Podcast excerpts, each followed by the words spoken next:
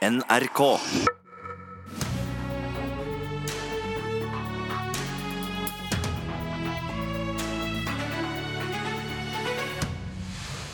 Høyre får kritikk fra Eige ungdomsparti, som krever ei tredobling i tallet på kvoteflyktninger.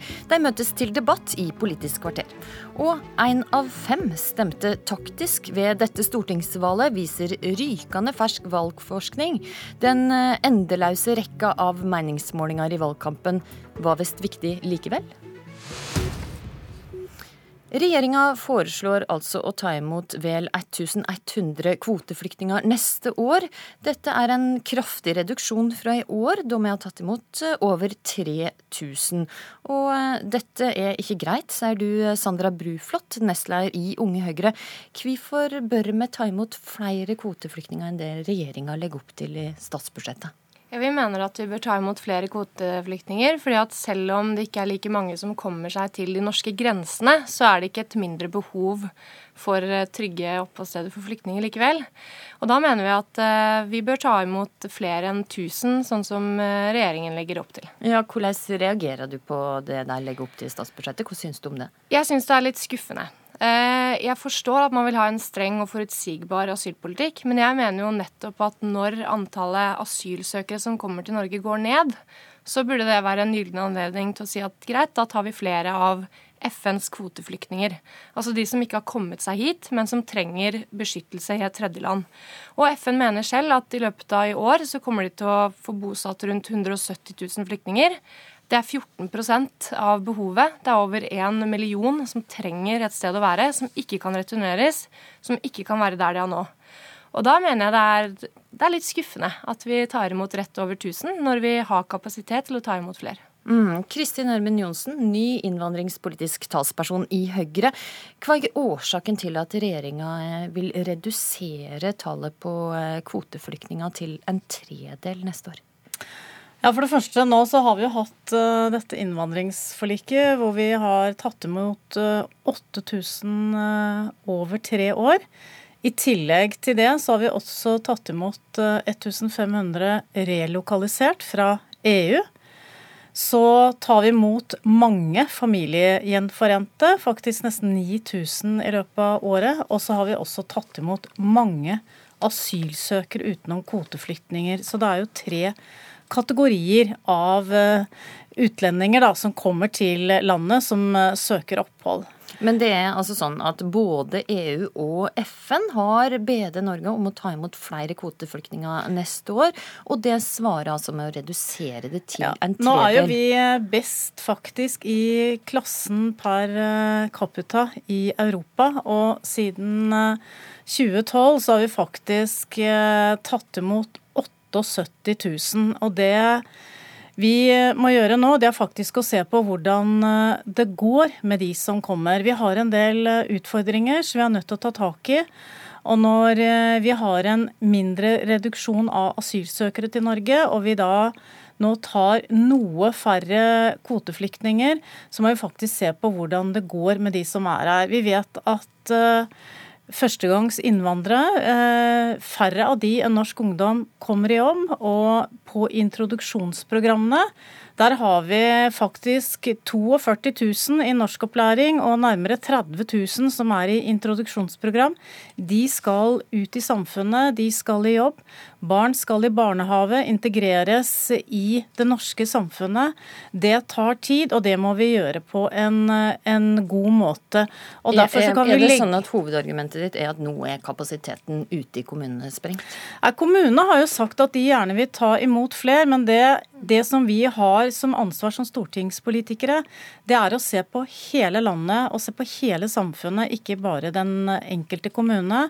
Og vi ser at eh, når det er en stor arbeidsledighet blant innvandrere, vi har utfordring med å få innvandrerkvinner i arbeid, vi ser at uh, ungdom faller utenfor. Vi har et utenforskap uh, i Norge. Da må vi sette inn ressursene på det, og vi må faktisk også se på Får vi nok ut av de pengene vi legger inn i introduksjonsprogrammene? Er de gode nok? Så jeg mener at vi har faktisk virkelig gjort en eh, innsats. Det skal vi gjøre. Det skal vi være veldig stolt av. Men jeg mener at nå er tiden på å se på de som kommer, alle de 78 000 som har kommet. Hvordan skal det Eh, fungere i samfunnet. Og der har vi en jobb å gjøre, og nå har vi faktisk tid til å gjøre det. Så nå kan en ha en liten timeout?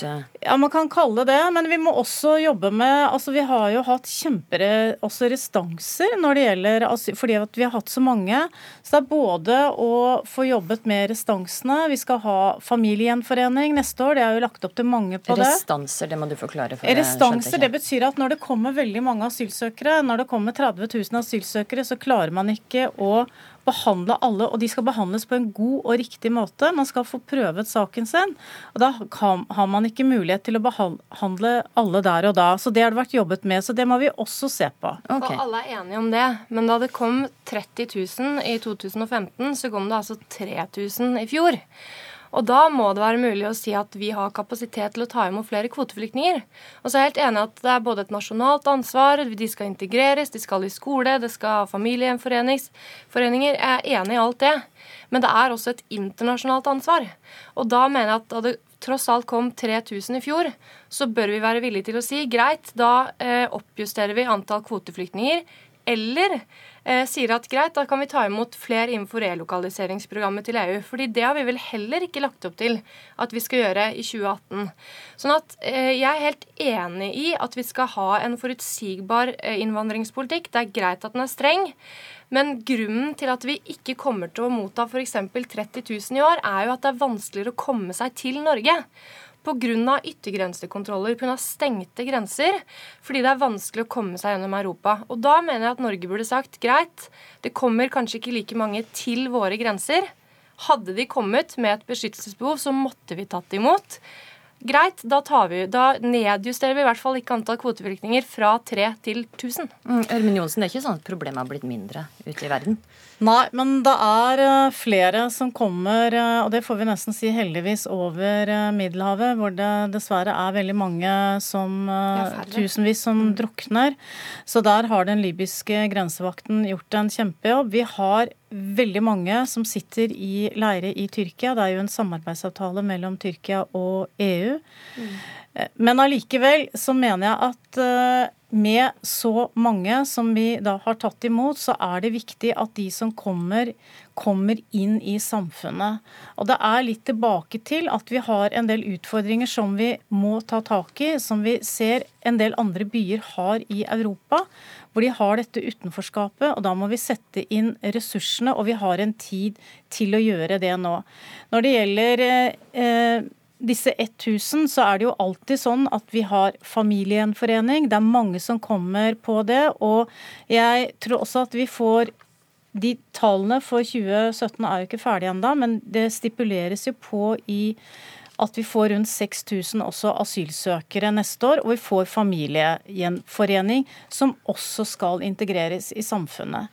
Norge er et uh, lite land. Vi er liksom en uh, liten del av Londons storby, så jeg, jeg tror at det er noe med hva samfunnet da den klarer å ta opp i seg og gjøre dette på en god måte. Og vi har jo klart å vise at integrering er faktisk ganske vellykket i Norge i forhold til en del andre land. Ok, Bruflot, eh, tror du at det er Frp sin politikk som har vunnet fram her, og som er årsaka til at Høyre nå sier at vi må redusere såpass mye på kvoteflyktninger? Ja, det vet jeg ikke helt. Jeg tror det er en kombinasjon. Jeg tror absolutt at altså, Høyre ønsker også en streng innvandringspolitikk. Det vet jeg at de gjør. Eh, men det kan nok altså, Frp vil nok kanskje være enda strengere. Men jeg tror kanskje at grunnen også er at man, man har gått tilbake til det nivået man hadde før flyktningforliket. Så jeg ser jo logikken bak at man, at man reduserer. Jeg bare mener at selv om flyktningforliket er over, så betyr ikke det at det er et redusert behov for at noen bosetter flyktninger. Eh, sånn at, eh, og så mener jeg også at som jeg nevnte tidligere, at hvis man vil ha en streng, men forutsigbar asylpolitikk, så bør det være et argument for å ta imot flere kvoteflyktninger. Fordi vi har kapasitet i kommunene. Fordi vi trodde at tallet på asylsøkere som kom til å komme, skulle ligge stabilt høyt. Så har det stupt eh, fra 30 000 til litt over 3000 i fjor. Og da, hvis det skal være forutsigbart for kommunene, hvis vi skal ligge på et ganske stabilt nivå, ja, da kan vi ta imot flere kvoteflyktninger enn rett over 1000. Men Ørmin Johnsen sitt poeng her er jo at eh, en må eh, bruke ressurser nå mm. på å integrere de mange mm. som kom i 2015 og, og for så vidt 2016. Ja, jeg tror at ja. Eh, kommunene Vi må nok også se på hvordan kommunene jobber med integrering. Vi vet at noen kommuner gjør det veldig bra, får mange i arbeid, mens andre kommuner sliter med det. Så nå har vi en rett og slett altså, Den eh, blå-blå regjeringa mener at de, man har ikke ressurser til å både se på integreringsprosessen og ta imot nye. Jeg, ikke, jeg tenker ikke at det har så veldig mye med det har selvfølgelig med økonomiske ressurser. Altså Vi bruker 17 milliarder eh, på dette integreringsfeltet. Mm. Det, men det jeg er opptatt av, det er at vi ikke skal få dette utenforskapet som vi ser enkelte steder. Det er for mange som ikke kommer i arbeid etter de introduksjonsprogrammene. Så det vi faktisk gjør nå i budsjettet, da, det er å bevilge kompetansehevingstiltak til norskopplæring, og også gi tiltak sånn at man kan få få godt norsk inn under huden og komme inn i, inn i arbeidslivet. Når det gjelder dette med Kristin Ørmen Johnsen, der må jeg faktisk avbryte det, for vi må videre i sendinga. Høyre, partiet som tør å ta debatten når meningene spriker også internt i partiet. Her har andre litt å lære. Takk, Kristin Ørmen Johnsen og Sandra Bruflot.